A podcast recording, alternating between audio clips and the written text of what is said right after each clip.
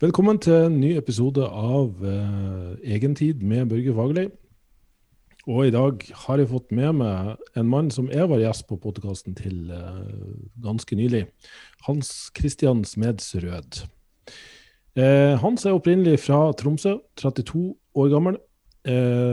var skøyteløper, sprint faktisk. La opp, studerte, fikk vanlig kontorjobb.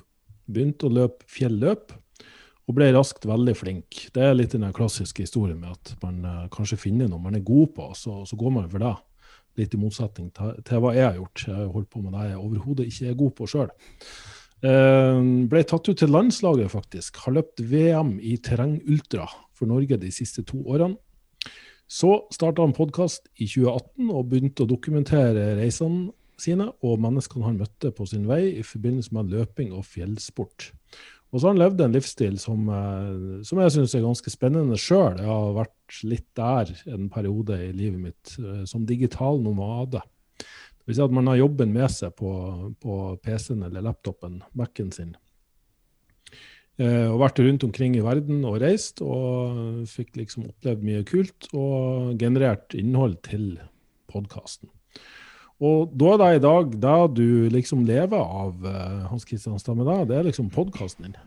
Det stemmer, det. Jeg har uh, det, er, det, er, min hovedinntektskilde. Mm. Absolutt. Men så er du litt sånn coach, coach, på sida også, som, som jeg skjønner? Jeg er det.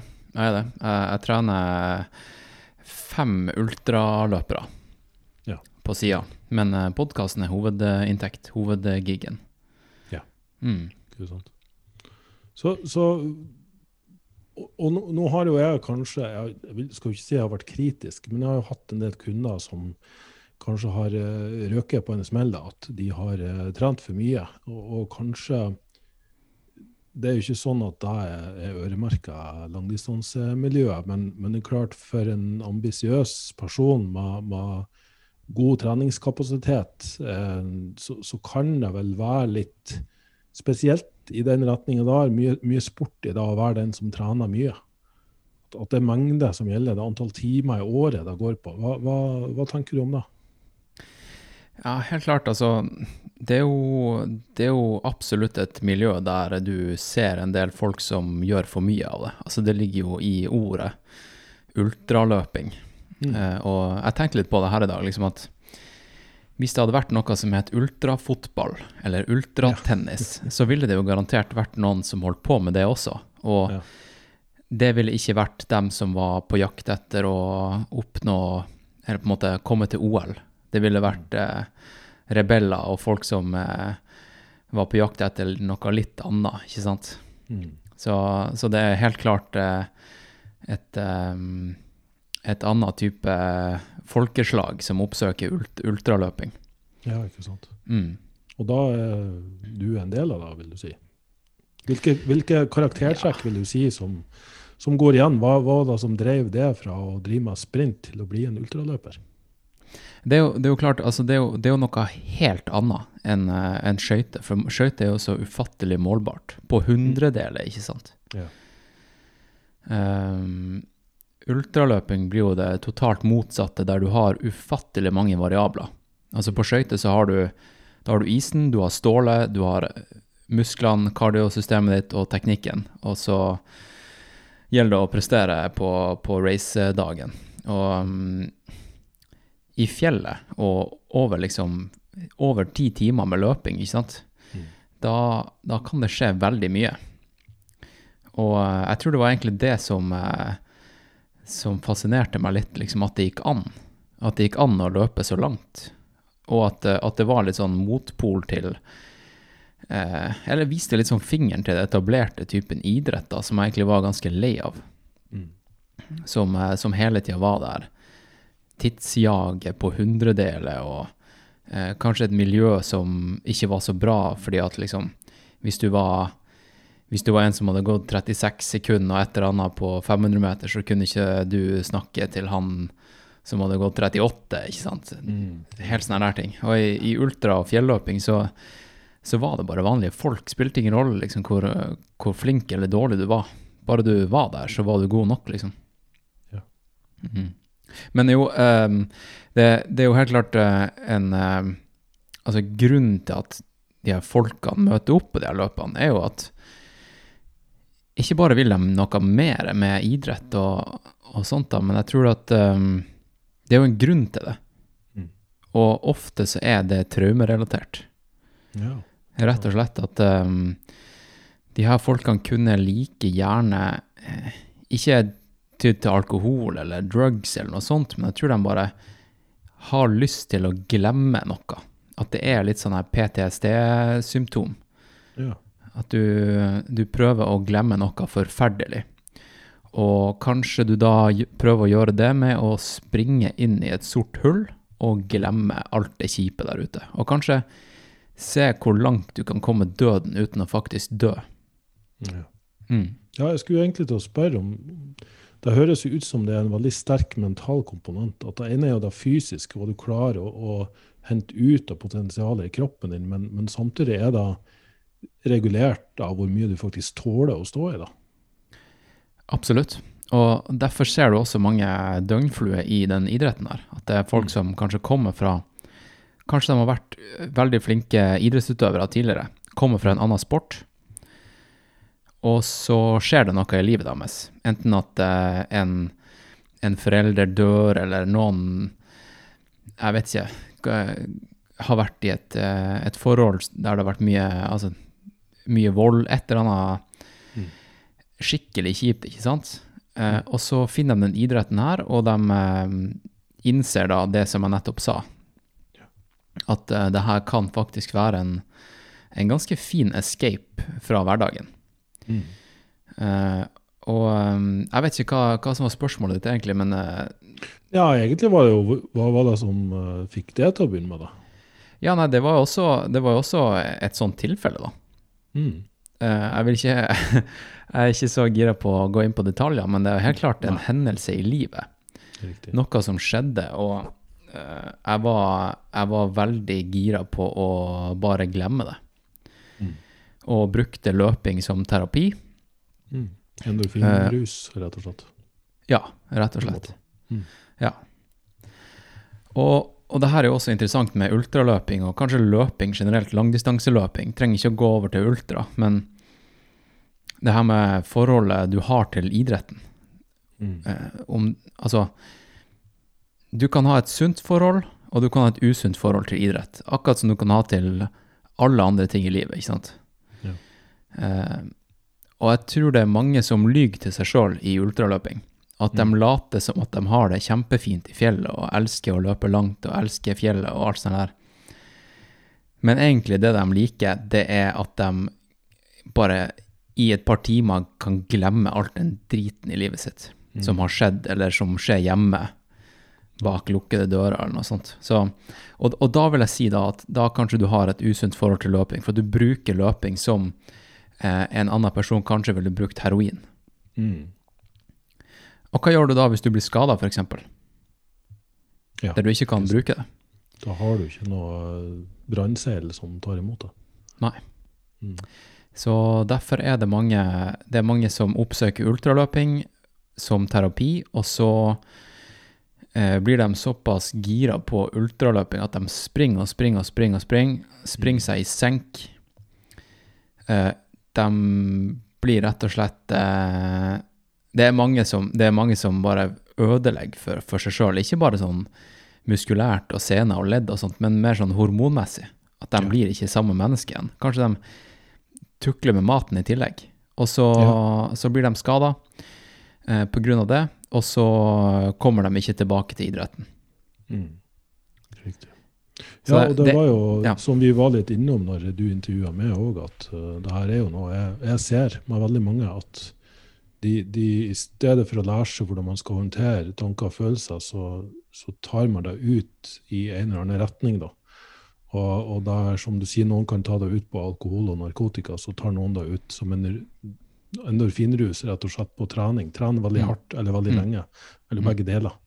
Og så kombinerer de det gjerne da med at det blir mye kontroll og, og styring rundt maten. Eh, og i dette miljøet er det jo sannsynligvis da en fordel å være lett. Det veier lite. Absolutt. Det, og det, det er jo interessant der, da, for det, det er jo ikke bare i, i løping og ultraløping og, og friidrett generelt. Det er jo i klatring, f.eks. Mm. Eh, Skihopp. skihopp. Det er masse idretter der det er altså vekt faktisk spiller en rolle. Altså det er skal, altså, skal du fullføre, så spiller det ikke så stor rolle. Mm. Men hvis du jakter etter å bli aller, aller best, Mm. Så kan du ikke drasse med deg ti ekstra kilo med unødvendige Altså flesk, rett og slett. Nettopp. Sånn er det bare. Altså Har du masse kjøtt på kroppen og er muskulær, og, og de musklene er funksjonelle og hjelper deg til framdrift, så er jo det bare kjempebra. Men eh, Ja, for det er, det er nok eksempler på tunge løpere som gjør det kjempebra. Ja, ikke sant. Men, men det, det er muskler. Mm. Eh, så um, Og det, det er litt sånn tabu å snakke om også. Mm. Eh, av en eller annen grunn så er det tabu å snakke om når jeg bare, jeg bare ser det overalt. At jeg mener det. Alle toppidrettsutøvere jeg har møtt, og jeg har møtt mange liksom, over hele verden, Mm. i alle typer idretter, alle, alle distanser i løping, i toppen sliter alle Mm. når du kommer inn på dem. Ja. Det, det betyr ikke at de sliter, men de har et annet syn på det enn enn hvermannsen. Og, og det blir veldig tydelig da um, Kanskje opp mot konkurranse, når man, når man blir ekstra stressa og skal liksom være i race weight. Eh, litt sånn som boksing, kanskje, og MMA. ikke sant? Mm. Man eh, blir obsessed på det her tallet. Ja. Istedenfor å bare gjøre de riktige tingene i trening. Ja. Mm. Ja, og det var jo som jeg sa òg på din podkast, at den prosessen er ganske klassisk for alle. At uh, du finner noe du er god på, eller noe du, du digger å holde på med, og så blir du god på det. Ved en kombinasjon av talent og, og knekke en kode på trening, eller hva enn. Og så når du kommer til det punktet at du blir god og får oppmerksomhet på det, så kommer prestasjonsjaget og presset. Og det er både eksternt utenfra og det du sjøl har i det på å opprettholde den identiteten som en god utøver. Mm. Og Mm. da kan man begynne å gjøre veldig mange destruktive ting. Også. Så, så jeg har mista tallet på hvor mange toppidrettsutøvere jeg har coacha som da etter hvert gikk over fra den rent eh, tekniske styringa av kalorier og treningstid og intensitetsstyring til å bli en ren sånn Du, vi må snakke om rett og slett følelser og hvordan, hvordan mentalt du navigerer gjennom eh, dagen, liksom. Så, så, og du i din coachingprosess, hva, hva det, hvordan blir din tilnærming? For det ene er jo liksom, hvordan blir du en god langdistanseløper? Det er jo noe vi selvfølgelig kan snakke om, men, men hvordan, hvordan angriper du eh, liksom casene når de kommer til deg? Nei, altså, jeg, jeg, jeg er så heldig som, som trener folk som, eh, som ikke er de her typiske casene som vi nå, nå har snakka om. For det er, det er ikke Jeg vil ikke at folk som hører på podkasten, tenker at alle som driver med ultraløping, har et usunt forhold til, løping Mm. og har spiseforstyrrelser. Det er absolutt ikke saken. Mm. Uh, men um, uh, det er ikke dem som trener, dem som jeg faktisk trener, jeg, som har som faste kunder, men jeg får veldig mange henvendelser på Ja. Messenger og Instagram, DM og, og sånt da, om de her tingene. Eh, for jeg har vært åpen om, eh, om, eh, om det her i min egen podkast.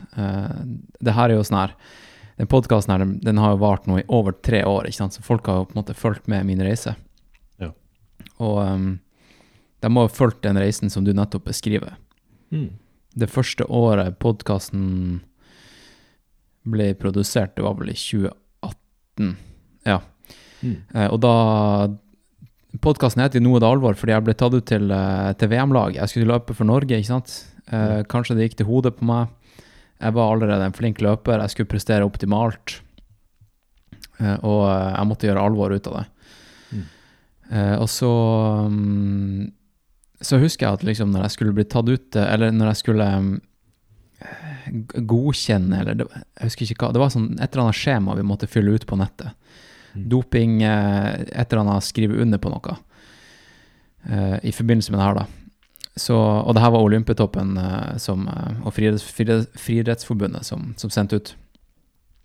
Så var det, kom vi plutselig til en sånn side med masse spørsmål om mat, og hvordan forholdet har til mat. Ja. Og da hadde jeg liksom ikke tenkt så mye på det, egentlig. Uh, jeg, jeg hadde kanskje begynt å, å kanskje overfokusere litt på det, men jeg følte ikke at jeg hadde et dårlig forhold til det.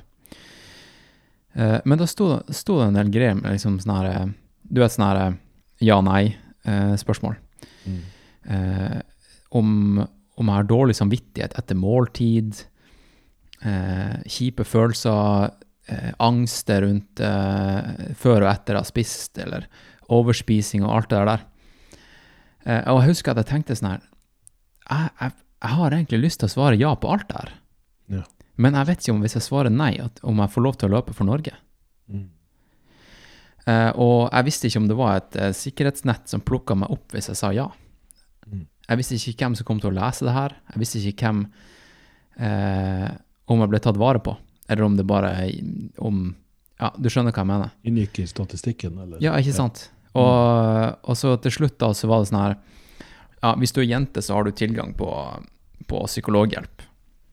Ok, Fordi det er tydelig, tydeligvis sånn at de har plukka opp en god del jenter som sliter med de her tingene. da. det kan nok stemme, ja. Og da tenkte jeg sånn her Det her er jo bare bullshit. Jeg kjenner så mange som sliter med det her, Mm. eh, og det er menn. Men de er ikke åpne om det. Nettopp. Og det er derfor det ikke blir plukka opp. Det er ikke fordi at det er masse jenter som sliter med det, det er bare fordi det er tabu blant menn. Mm. Og jeg syns det, det, så- det, det er så piss, altså. Mange mørketall. Det er så mange mørketall. Og de, de tallene du leser, det er ikke, det er ikke reelt. Og liksom det her med, det her med liksom øh, psykisk helse og menn og, og spising og sånn, jeg skjønner ikke hvorfor det skal være en, øh, en skikkelig tabu. I hvert fall liksom det som kalles for spiseforstyrrelser. Jeg mener ikke at jeg har hatt en spiseforstyrrelse, jeg har bare hatt kanskje et feil mindset når det kommer til spising. Mm. At det blir for prestasjonsbasert. Eh, og da mister du veldig mange andre aspekter med spising. At du kun tenker på, på kalorier for hvordan, Fordi at Mm. alle, alle detaljer i hverdagen, du Mm. gjør, alt du gjør, handler om å prestere optimalt. Mm. På den ene racedagen i VM, 11. juni 2018, ikke sant? eller hva det var slags dato.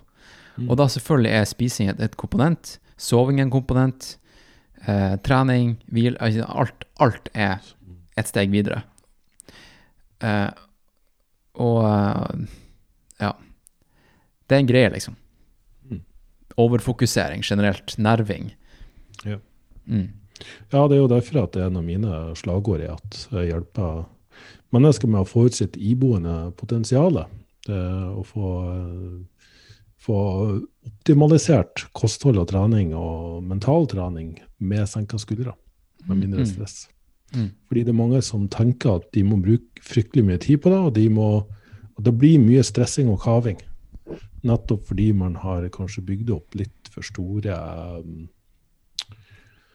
er jo, er jo veldig sånn at Målsettinga er veldig fin for å ha noe å styre etter, men, eh, men, men du må jo like prosessen. Du må jo elske reisen. Ellers så, så kan det fort bli litt eh, anspent. Det blir stor fallhøyde, da, for å si det sånn. Ja, ikke sant. Og det er det, jo det som skjer når, eh, når Da jeg kun hadde løping. Ikke sant? Jeg, jeg sa jo opp eh, Jeg var jo webutvikler, jeg hadde en kontorjobb.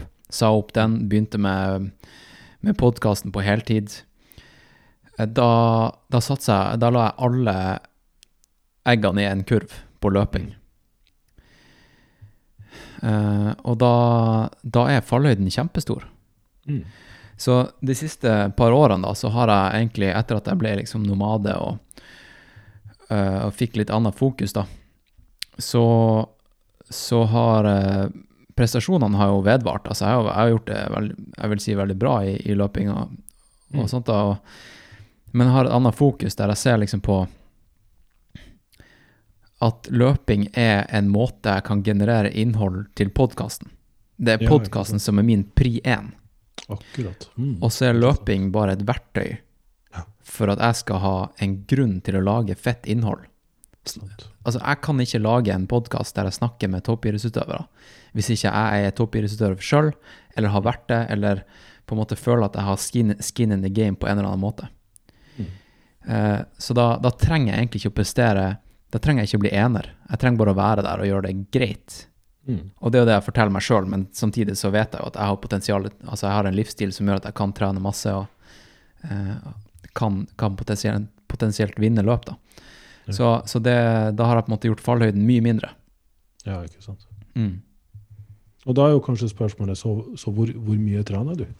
Hva, hva- innebærer treningsuka for en løper på ditt nivå? Ja, det er et godt spørsmål, da. Eh, akkurat nå, den uka her Jeg kunne nesten dratt opp eh, treningsdagbok akkurat nå, men, men jeg kan si det at jeg er jo skada akkurat nå. Ja, OK. Mm. Så nå har jeg ikke et normalt eh, treningsregime der jeg, der jeg springer masse. Nå springer jeg Nå får jeg lov til å springe eh, opp til ca. 30 km i uka. Mm. Og så er hoved, eh, hovedaktiviteten min det er ellipsemaskin og sykkel. Ja, OK. Sånn low impact, rett og slett. Low impact, men jeg sørger for å gjøre mest ut av det, sånn at eh, hjerte og lunger får eh, holdt på å si mest bang for the buck. da. Mm. Så jeg ble eh, Jeg kan si jeg ble jo Jeg, ble, jeg følte meg virkelig skikkelig skada på julaften etter en intervalløkt. Et eller annet som ikke stemte nedi, nedi korsryggen. Og så eh, har jeg egentlig venta på MR i syv uker, helt til jeg fikk ta den forrige helg. Og så fikk jeg resultatene uka, uka her, da. Og det var et beinmargsødem Oi, såpass. som er liksom prestadiet til uh, tretthetsbrudd. Ja. Og det er jo sånn klassisk ultra, ultraløpingsskade. eh, men eh, jeg vil ikke si at det var fordi jeg sprang for mye eller mer enn eh, folk flest. Ultraløpere springer jo ikke så mye mer enn folk flest, egentlig. Eh, det er jo mer sånn hvordan vi velger å løpe, eller hvordan vi distribuerer eh, timene vi springer i løpet av uka, som er forskjellige fra oss og maratonløpere. Ja, ikke sant. Så, um, så nei, akkurat nå trener jeg vel uh, ca. 15 timer i uka, Mm. der uh, 85-90% av det er cardio. Ja, og resten er styrke og- Hva du sier Ja, også, ja, da blir kanskje det neste spørsmålet fordeling mellom lav og høyere intensiteter. Nei, så, så da kjører jeg um, eh, Skal vi se, akkurat nå så tar jeg Så har jeg to heftige intervalløkter i uka. Sånn som i dag, da, så, så eh, sykler jeg fire ganger ti minutter Mm. på eh, syreterskel. Ja. Og, og det er ganske hardt på, på sykkel for en løper. Da vil jeg tro. Men, eh, så det, det kan liksom være én av de to intervalløktene. Og så, um, så kjører jeg eh, tre ganger i uka så har jeg tilgang til å dra til et treningssenter, eh, Magnat, Mm. her nede i, på, på Skøyen. Og Så da- ja, det er jo et dødsbra sted. Altså. Jeg tror det jeg vil si det beste treningsstedet i, i Oslo. Eh, og da, da bruker jeg ellipsemaskin. Så da, da, er, da er jeg på ellipsen i lav intensitet, sånn type mm, Jeg vil kalle det Jeg, jeg går på en type sånn eh, RPE-skala, altså rate of, uh, rated Rating of proceed- Procedure 40. Mm. Ja. Uh, fra, fra, um, fra 0 til 10, der eh, 10 er all out, ikke sant? Maks, maks. Det kan jeg da holde liksom 20 sekunder. Uh, intervallene jeg gjorde i dag, de lå på 8-9, cirka. Mm. Og de her ellipseøktene ligger på 5, cirka. Ja, ok. Ikke sant? Eh, og det her er jo sånne klassiske uh, greier, 80-20-modellen som du kanskje har hørt om. At uh, Mm. folk som trener mye, de burde forholde seg til 80-20-modellen, der du trener skikkelig intensivt 20% av tida, og ekstremt rolig 80% av tida. Mm. Og du burde ikke være i, eh, i, midt, i den midterste sona, som er liksom det man kaller for dødssona. Dødssone. Mm. Ja. Stemmer. Men det, eh, det her er jo også veldig relevant for løping, eller akkurat den modellen er det veldig relevant for løping. Kanskje ikke så relevant hvis du gjør mesteparten av treninga di på, på ellipse. Mm. Fordi, altså, hvis du er, hvis du er på Olympetoppens sone eh, 2, for eksempel, Mm. eh, som for meg da i en RPE-variant ville vært eh, ja, eh, på fem, fem på skalaen, midt, midt på treet. Sant? Helt, Mm. helt easy. Ja. Um, det kan jeg gjøre uendelig mye av. Og du får, du får samme, eh, samme utbytte som du kanskje ville gjort med litt høyere intensitet, men det ville, det ville kosta deg mer muskulært. Ja, ikke sant. Så da kan du ikke gå hardt i morgen, eller fortsette med, med trening på samme måte i morgen som du ellers ville gjort. Mm. Så da, da får du mest bang for the buck, da, hvis du bare holder deg i liksom, de to ytterpunktene. Ja. Mm. Det er jo det som Ja, er det er jo den, den klassiske. Det er jo 'keep the easy days easy and the hard days hard' det er jo et uh, motto som heter. Og det er jo den klassiske hobbyemosjonisten som, som kanskje har litt eh, overdrevet ambisjonsnivå. At de lavintensive øktene kjøres for hardt, og de høyintensive øktene kjøres for rolig. Det vil si at de har sannsynligvis ikke evne til å kjøre høy intensitet fordi de kjører seg for mye ut på de som skulle ha vært lavintensive. Ja, kanskje de har barn, ikke sant? også. Lite tid i hverdagen. De, har kanskje, de ser sitt snitt klokka ti på kvelden, at de har liksom 40 minutter, Mm. og så bare snører de på seg løpeskoene, og så springer de i 40 minutter. Ja. Og så blir det bare hardt, eller semihardt hver eneste gang. Ja. Mm. Ja, og spesielt hvis du har det litt urolig innvendig og kanskje har litt for høyt stressnivå og trenger den endorfinrusen, da kjører man kanskje på hardere enn enn nødvendig. Mm. Mm. Ja, så nei, treningsuka mi, da, den um, Ja, så kjører jeg ehm, nå når, jeg, nå når det har vært liksom minus 20 ute, og eh, jeg bare hadde sykkelen på, i helgen, så har jeg bare kjørt langtur inne mens jeg har sett på film og sånt. Mm. I, ehm, på rolig, rolig intensitet. Ja. Og så har jeg hatt én hviledag i uka, liker jeg. Der jeg bare gjør æren og går rundt og liksom gjør ting som jeg ikke fikk gjort ellers i uka fordi at jeg trente så mye. Ja, ja, ja, ikke Ja, ja. Men det er jo òg interessant det der at du tar i bruk For mange tenker at jeg skal bli en god løper, så må jeg løpe. Men det her med crosstraining, fordi løping er jo såpass høy støtbelastning på eh, muskulatur og sene og ledd at um, å få inn nok treningstimer på den intensiteten som er nødvendig for å bygge maskinen, da, da, da kan det være for tøft å restituere seg hvis du kun løper. Så, så det er jo det er òg en strategi jeg har brukt eh, når jeg har trent eh, langdistanseløpere, at vi implementerer eh, ski på vinteren, sant? Sykkel på ruller innendørs, og ellipsemaskin også, hvis det er mulig. For det er jo, det er jo lav støtbelastning. Det er jo, det er jo lettere for kroppen å restituere seg fra ei økt, intervalløkt spesielt på da, enn ei, ei skikkelig tøff løpeøkt. Helt klart. Og det, ser jo, det er jo veldig populært blant ultraløpere som liker å springe i fjellet. De, eh, de driver jo også med fjellsport året rundt. Så de, eh, de går randonee på vinteren, og da kan de jo ofte være ute liksom fem timer om dagen uten at det koster dem noe. Ja. Det er lav intensitet, og de bare har det kult i fjellet. Ja. Så, um, så det, det, er en måte, det er en måte det er Så mange som har holdt på med ultraløping og fjelløping i mange år, de springer minimalt på vinteren. De, er- Mm. de hold, holder rolig med rando på, på vinteren, rett og slett. Så, Ja. så er det jo en periode da når, når det begynner å smelte, som er liksom Krukset i det hele er jo liksom hvordan kommer du deg tilbake til løpinga uten å bli skada. For det er der, det er der man må være forsiktig. Progresjon uh, i belastning og lengde og Ja, ja. Det, er da- det er da slitasjeskadene kommer. Det er da akillesen ryker, og det er da mange får um, beininbetennelse og de typiske greiene, ikke sant. Ja, ikke sant. Så, og, og her er jo noe som Det her med treningsprogrammering og periodisering og Innen styrketrening er det mange som nesten gjør karriere av å overkomplisere ting. Mm. Eh, og Mm. jeg tenker jo på mange måter som kroppen som litt enklere enn kanskje et matematisk hode skulle ønske at den hadde vært. Eh, og en stor del av jobben handler om å eh, påføre en, en påkjenning eller, eh, eller stimulans. Se hvordan kroppen responderer, og ha litt den fingeren på den eh, liksom, pulsen, på en måte, og, og følge med progresjonen og justere deretter. Eh, I hvor stor grad vil du si at du forhåndsplanlegger programmer, og i hvor stor grad justerer du underveis? Autoregulerer du? Til, til du mine utøvere eller meg sjøl? Du, du nevnte jo RPE-skalaen, så da høres det ut som du har en viss uh... Ja, tenker du på hvordan jeg gjør det med meg sjøl, eller hvordan jeg gjør det med mine utøvere? Ja, begge deler. Ja, du det er ganske likt, da. Det er ganske likt, da.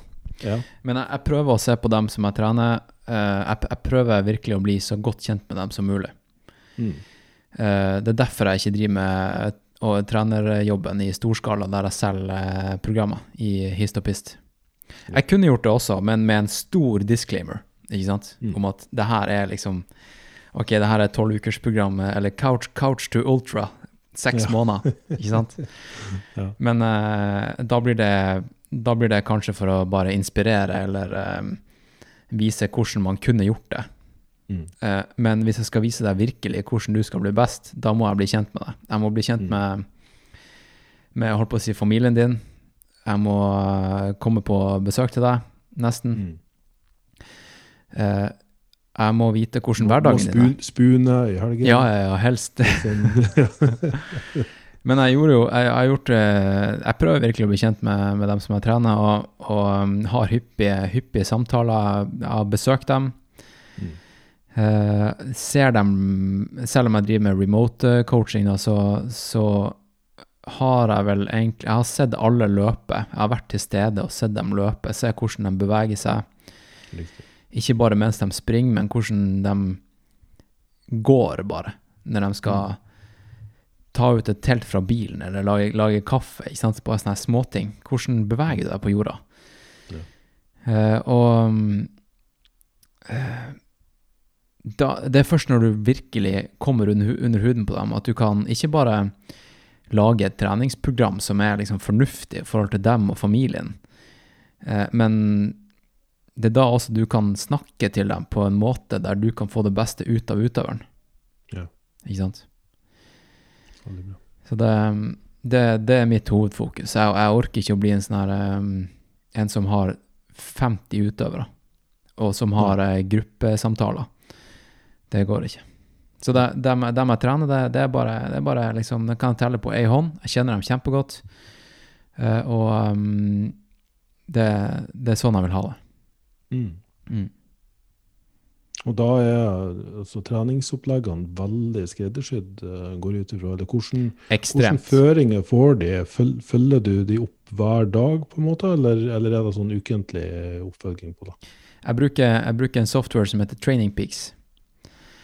Eh, og da, da Det der er på en måte Det er der det i prakti, praksis skjer. Da Da skriver jeg ned programmet, eh, og så Altså u, uke, u, fra uke til uke. Og da kan jeg f.eks.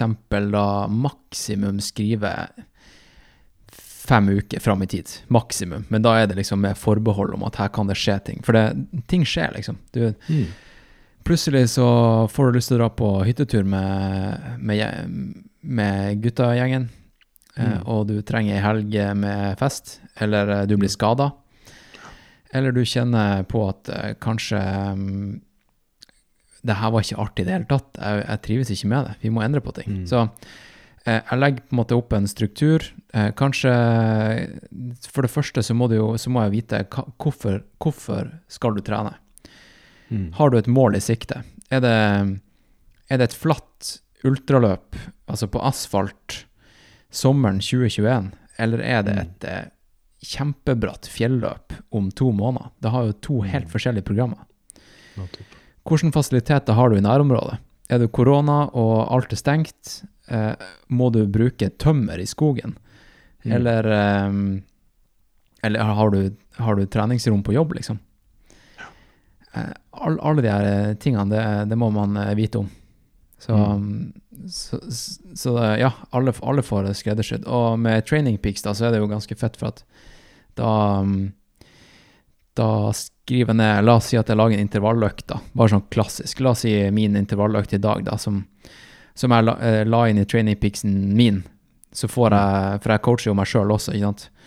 Ja. Eh, så, så synker den med klokka mi. Og så trykker jeg på start på klokka. Jeg velger liksom indoor bike. Og så, så står det sånn her 15 minutter oppvarming, RPE, det og det og det. Og så, så vibrerer det når jeg skal gjøre um, intervallene. Og så står det liksom hvilke intervaller jeg er på. Og eh, det gjør det jo veldig enkelt da, for utøvere som jeg har, at de bare, de bare har det på klokka, og så gjør de jobben. De slipper å tenke. De outs, det er jo derfor de eh, har leid meg inn. De outsourcer hele treningsopplegget. Stole på at jeg har, eh, har kontroll. Ja. Mm. Ja, det er jo noe med det å liksom la ting være litt mer på automatikk, og slippe å tenke så mye på hva som skal justeres, og når det skal justeres og sånn. Mm. Um, så, så da, hvilke indikatorer ser du på når du skal justere noe? Hva, hva, for for du, du nevnte um, at du prøver å fordele treningsmengden sånn at 80 er på lavintensitet, og at Mm. 20% av treningstida går ut ifra er da på, på intensitet. Ja. Um, og det er vel sånn grovt sett, det er vel ikke nødvendigvis sånn hver eneste uke. Du har vel kanskje en, en form for plan fremover.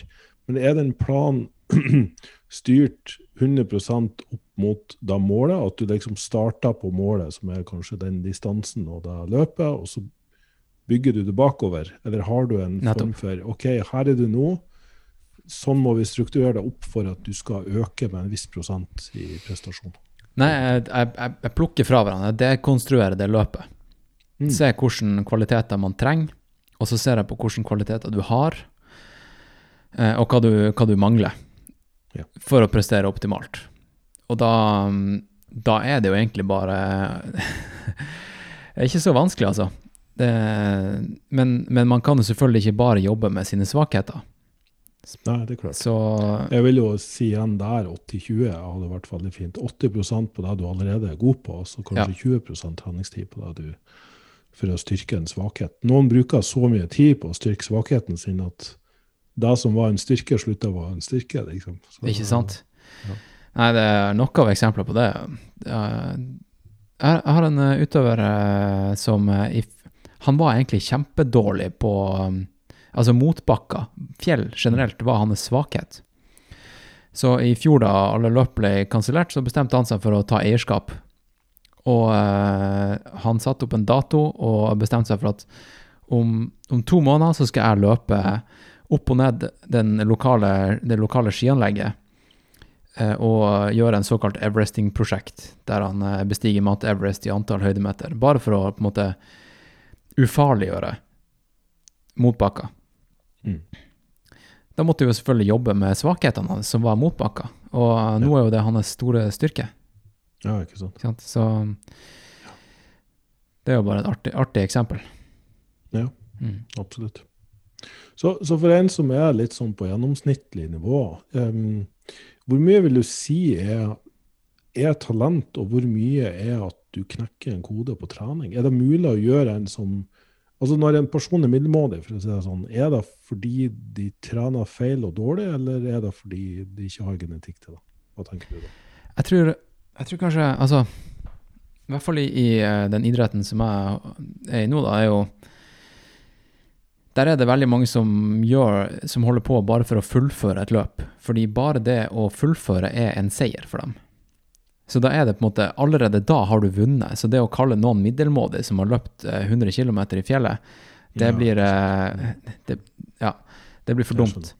Ja. Eh, Men, men hvis man da ser på resultatlista La oss si at det er 100 utøvere, og eh, topp 10 de hadde skikkelig respekt, respektable tider. Hva skal, Mm. til, hva skal til for å bli topp 10, da? Mm. Og det er jo, det er jo interessant eh, å se på. Og hva er det de gjør som ikke de andre gjør? Mm. Og mm, for det første så må du jo Du må jo like det. Du blir jo flink til det du gjør mye av, og for å gjøre mye av det, så må du like det. Så, så da er det på en måte sånn at eh, da, kan du, da kan du snakke om den 80-20-modellen så mye du vil, men hvis du har eh, holdt på eh, 100% med lav intensitet i fjellet Mm. i, i ti år, så kan jeg banne på at du vinner det løpet. Mm. Så, sånn blir det også med, med egentlig alle, alle typer økter man, man, man gir til utøvere. er liksom sånn her, Ok, du kan, du kan lage et optimalt opplegg, men er det realistisk at vedkommende kom, kommer til å gjennomføre det? Mm. Da kan du heller nedskalere det, og kanskje, kanskje den, den styrkeøkta burde inneholde masse av de her typ, altså sånne her intrikate øvelser.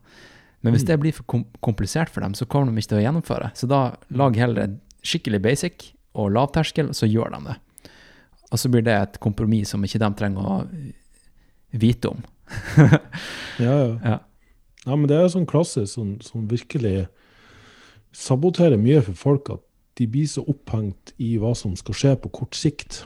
At det er da målet, det er da tallet, det er liksom den distansen, det er den vekta, hva, hva enn det er snakk om. Og så, og, så, og så klarer de ikke å innarbeide en god, langsiktig plan som de digger nok til at de kan holde på så lenge at det gir utbytte og resultat. Så, så vi er jo utålmodige av natur, og det er magiske piller og, og magiske programmer og sånn, men det er jo veldig sånn Min modell er høyest mulig ROI, altså return Mm. of investment. Mm. Den treningstida og den tida du bruker på å lage mat og gjøre de her tingene For, for på slutten av dagen så, så er jo et veldig overordna behov for oss mennesker, det er, jo, det er jo frihet, og det er å ha ledig tid. Mange, mange vil jo si ja, de jobber for å tjene penger, men hva skal du bruke de pengene til? Jo, du, du bruker jo de ofte for å kjøpe deg ledig tid. Mm. For å kjøpe deg frihet. For, å- for å kjøpe deg mulighet til å gjøre ting som du normalt sett ikke hadde hatt tid til, eller råd til. Så, så da å, å, å finne ting som ikke krever så veldig mye tid og, og innsats og stress og kaving, tenker jo jeg må være det overordna målet, sånn at det blir en, en innebygd vane, det blir en naturlig del av hverdagen. Det blir noe du ser fram til og gleder deg til, som du sier. Mm. Eh, og, og dermed, når det har gått lang nok tid Nå er det noen som har tatt oppgjør med den her uh, Gladwell-regelen på 10 000 timer. Det viste seg jo at okay. tallet er jo langt lavere. Du, Å ja. det, er jo, det er jo 3000 timer, hadde du funnet ut nå, da. Er det bare 3000, ja? Ja, men da Ja, det er bare 3000, men det må være fokusert jobbing. Det må være med høy grad av innsats, høy grad av fokus, med altså dedikert jobbing. Men, men 10 000 timer med slurvejobb, det, det er like Ikke bra som 3000?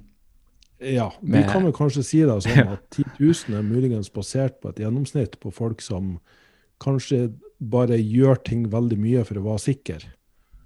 Man ser litt mer der OK, hvis du trener effektivt nok, så, så kan du, i min verden, da, kan du utgjøre veldig mye på ett og to og tre sett. Der noen havner ja, men du må trene 20 og 30 sett, liksom. Og da er det sånn, ja, men tenk på hva du kunne gjort med all den ledige tida. Det er jo snakk om fem og kanskje tidobbelt så mye tid på gymmet for å få på lengre sikt, vil jeg si, hvis du holder på med det lenge nok, og du faktisk klarer å holde på med det lenge nok, for det er jo, det er jo ikke sikkert. Veldig mange går jo på en smell når de tyner helt på yttergrensen av hva kroppen tåler. Så, så er det sånn at etter fem år eller ti år, og la oss nå håpe at du faktisk har lyst til å holde på med det så lenge, og kanskje enda lenger, og kanskje resten av livet, spiller det da egentlig noen rolle? Tenk hva du kunne gjort med all den ledige tida hvis du hadde funnet et effektivt treningsopplegg som gir høyest mulig ROI. Ikke sant? Det er det, jeg liker med, det, jeg liker med ultraløping, er at det tar så jævlig lang tid. Eh, og jeg liker den tida. Jeg liker egentlig alt som tar tid. Jeg liker å lage mat som altså sånn her, Jeg lagde kimchi som sto et år i kjøleskapet. Ja. Ikke sant? Og, og det er liksom Ja, OK. Du, du Børge, du kan jo fullføre en ultra nå. Hvis jeg putter en pistol til hodet ditt, så kan du løpe 160 km i fjellet. Det, Mm. det er ingen problem. Det, det fikser vi. Det måtte ha vært en pistol involvert. Ja. Nei, men for å gjøre det bra da, og skånsomt, så må du legge, legge inn treninga. Mm. Det er ingen snarveier overhodet. Men det er helt klart eh, eh, mye unødvendig trening ute og går. Og det er jo interessant. Hva er det som kan gi deg mest bang for the buck, da? Og det, det svaret er jo forskjellig fra person til person. Nettopp. Mm. Så du tenker med en viss dose, så, så handler det egentlig bare om å bruke lang nok tid. Altså den Si en person som bruker eh, 30 timer i uka på løping. Mm. Han kan sannsynligvis komme til en viss prestasjon raskere hvis han forvalter restitusjon riktig. Men en som kanskje bare bruker 15 timer i uka, kan den personen en eller annen gang komme til samme nivå? Bare at det tar lengre tid? Sondre Nordstad Moen, Norges beste på maraton. Og eh, ja, har coacha han faktisk. Nå må du har det. her. Ja. Steike. Mm. ja, Han trener jo kanskje, la oss si 14-15 timer i uka. riktig. Ja, men han kommer jo da dobbelt så langt. Altså Han springer dobbelt så mange kilometer som hvermannsen, som trener like mange timer. Ja, sant. Så det å innholdet i treninga er jo veldig annerledes, men timeantallet er det samme. Ja. Bare for å sette det i perspektiv, da. Jeg har eh, kanskje min maks treningsuke da jeg bodde i eh, eh, telta meg rundt i Alpene i forfjor. Det var kanskje på sånn 25 timer med løping i fjellet. Mm. Og det, det er jo altfor mye. Men det er altfor mye hvis du gjør det over lang, for lang tid.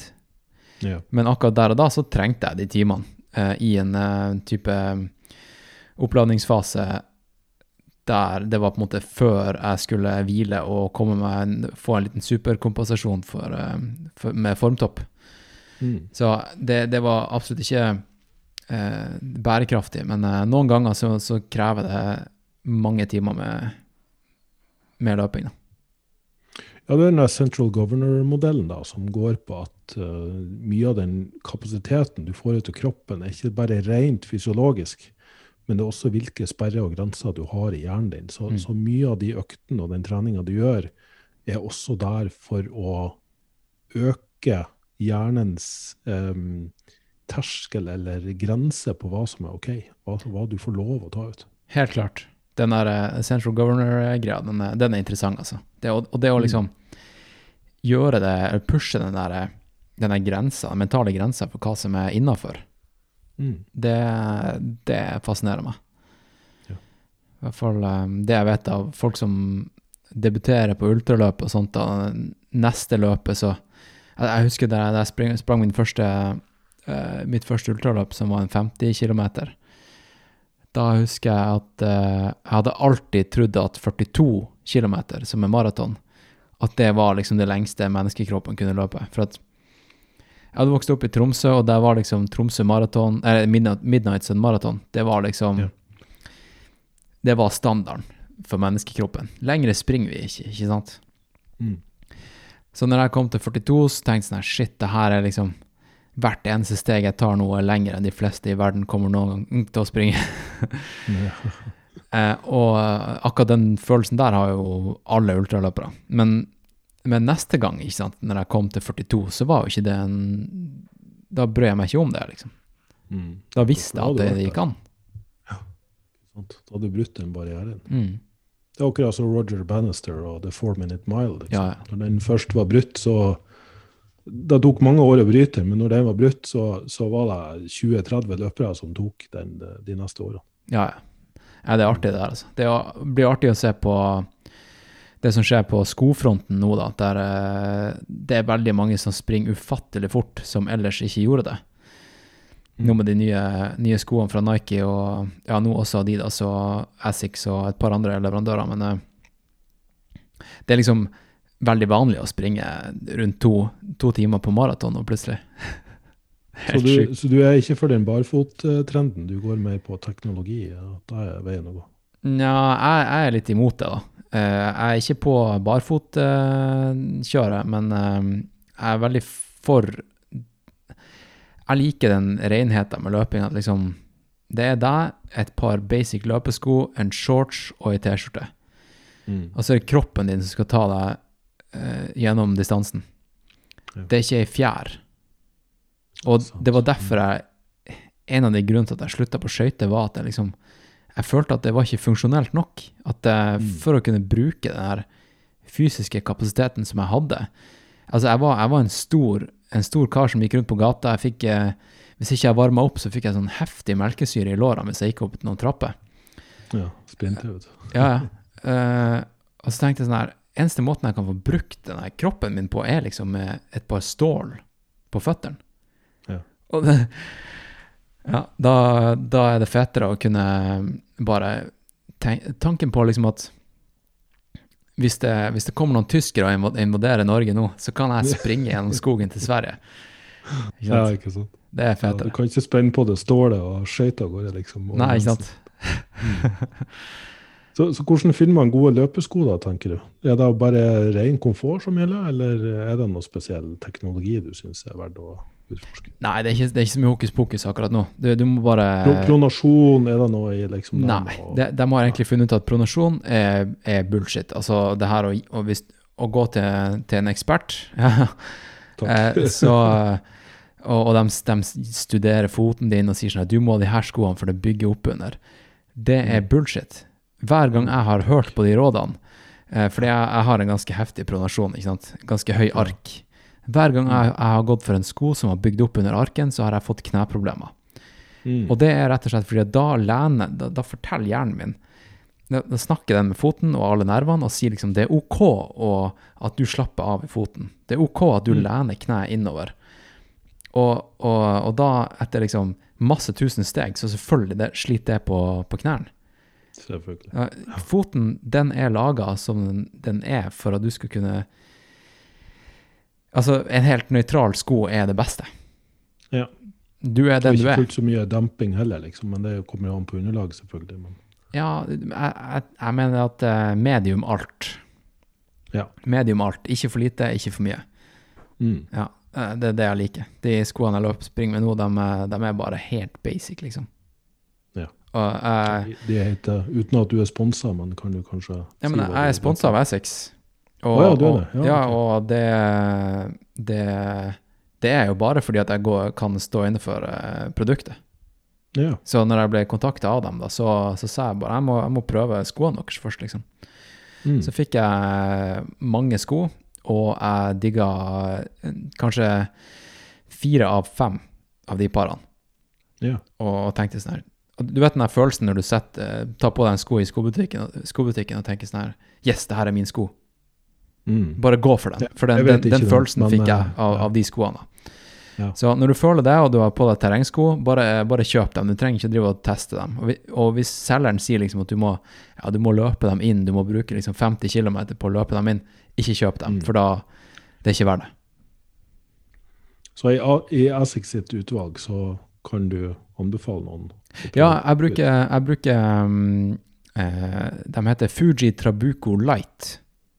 Ja, Det er min, eh, min favoritt. For Mm. de er ja så altså, lett, lettvektsko, rett og slett. Ja. Light med L-Y-T-E.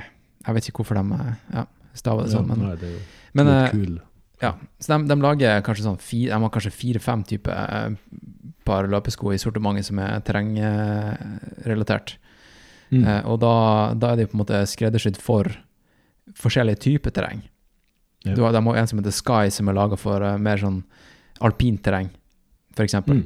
Og en som heter bare Pro, eh, som, som er laga for teknisk sti. Men den uh, light, den, den funker egentlig. Det er liksom allround-sko. Laga for Mm. liksom å kunne ta deg til stien. Det er ca. en kilometer hjemmefra til stien. da. Jeg bor rett med Lillomarka i Oslo, så jeg springer liksom på asfalt til stien. Så springer jeg på sti, kanskje det er litt grus, kanskje det er litt skikkelig teknisk gjørmatte, og så Mm. springer jeg hjem igjen. Så um, den funker til alt, liksom. Ja. Mm. Det høres bra ut. Da har eh, lytterne fått seg noen tips her, og, og til slutt så vil jeg jo egentlig bare Nå begynner vi å nærme oss eh, timen her. Um, Podkasten min heter jo Egentid, og nå har vi jo allerede fått en viss eh, peiling på hva du bruker tida di på. Men, men når du hører begrepet egentid, hvordan vil du si Hvordan forvalter du den egentida? Hvordan disponerer du da? Satte du av tid til deg sjøl og kun deg sjøl? Annet enn løping, da. For Ja. løping er jo åpenbart en stor del av det. Men, men hvordan ser den optimale egentid ut, hvis du skal si noe om det? jeg, jeg trives veldig godt når jeg liksom kan ta meg en eh, Altså sette av noen timer på en søndag og bare bake og, og lage mat. Da, da går jeg inn i en sånn meditativ eh, eh, transe, liksom. Matlaging. Det liker jeg. Eh, jeg liker å mikse musikk. Det er også en hobby jeg har. Og eh, altså, de sier jo gjør, gjør det som gjør at du glemmer telefonen din. Ja, godt poeng. Og, um, og da er det løping, matlaging og, eh, og eh, ting som har med audio å gjøre. Klippe podkast, lage musikk. Du kan ikke ha, høre på noe på telefonen eller bli, ha no, masse notifications. Du må bare fokusere på den ene tingen.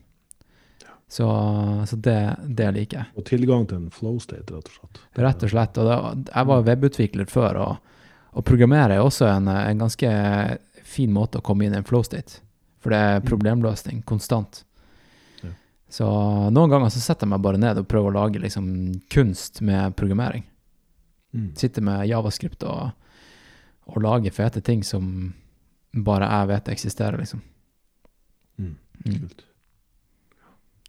Det veldig fint. Så eh, du har en podkast som heter 'Nå er det alvor'. Og da Stemmer. høres det ut som det er i all hovedsak der folk kan, eh, kan finne det. Å søke opp den. Ja, bare, bare søke på nå, da, nå, nå er det alvor. Mm. Ja, da, da finner du fram til podkasten. Har du noen andre sosiale mediekanaler? Ja, jeg er jo på, det er jo, den, den har jo nettside. naerdalvor.no. Jeg har en eh, personlig nettside eh, som heter det samme som mitt navn.no, altså hanskristiansmedsrød.no. Jeg har en eh, Instagram, Hanserino. Eh, jeg har Twitter, Hans-Rino.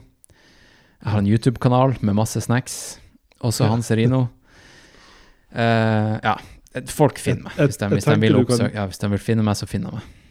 Ja, send, send meg gjerne de linkene, så skal jeg få det inn i podkastepisoden her. Ja. Så får folk finne det og lese, les og se og høre mer på hva du driver med. For Ja, ja. det, det var jo en veldig, veldig interessant eh, samtale. Hans. Jo, takk, eh, takk for at jeg fikk eh, komme, da. Vi Ja, ja, får, får ta en til prat, enten på min eller din pod Gjerne det. snart. Ja, Gjerne det.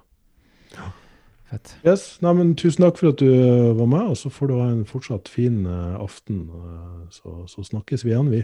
Takk, det samme.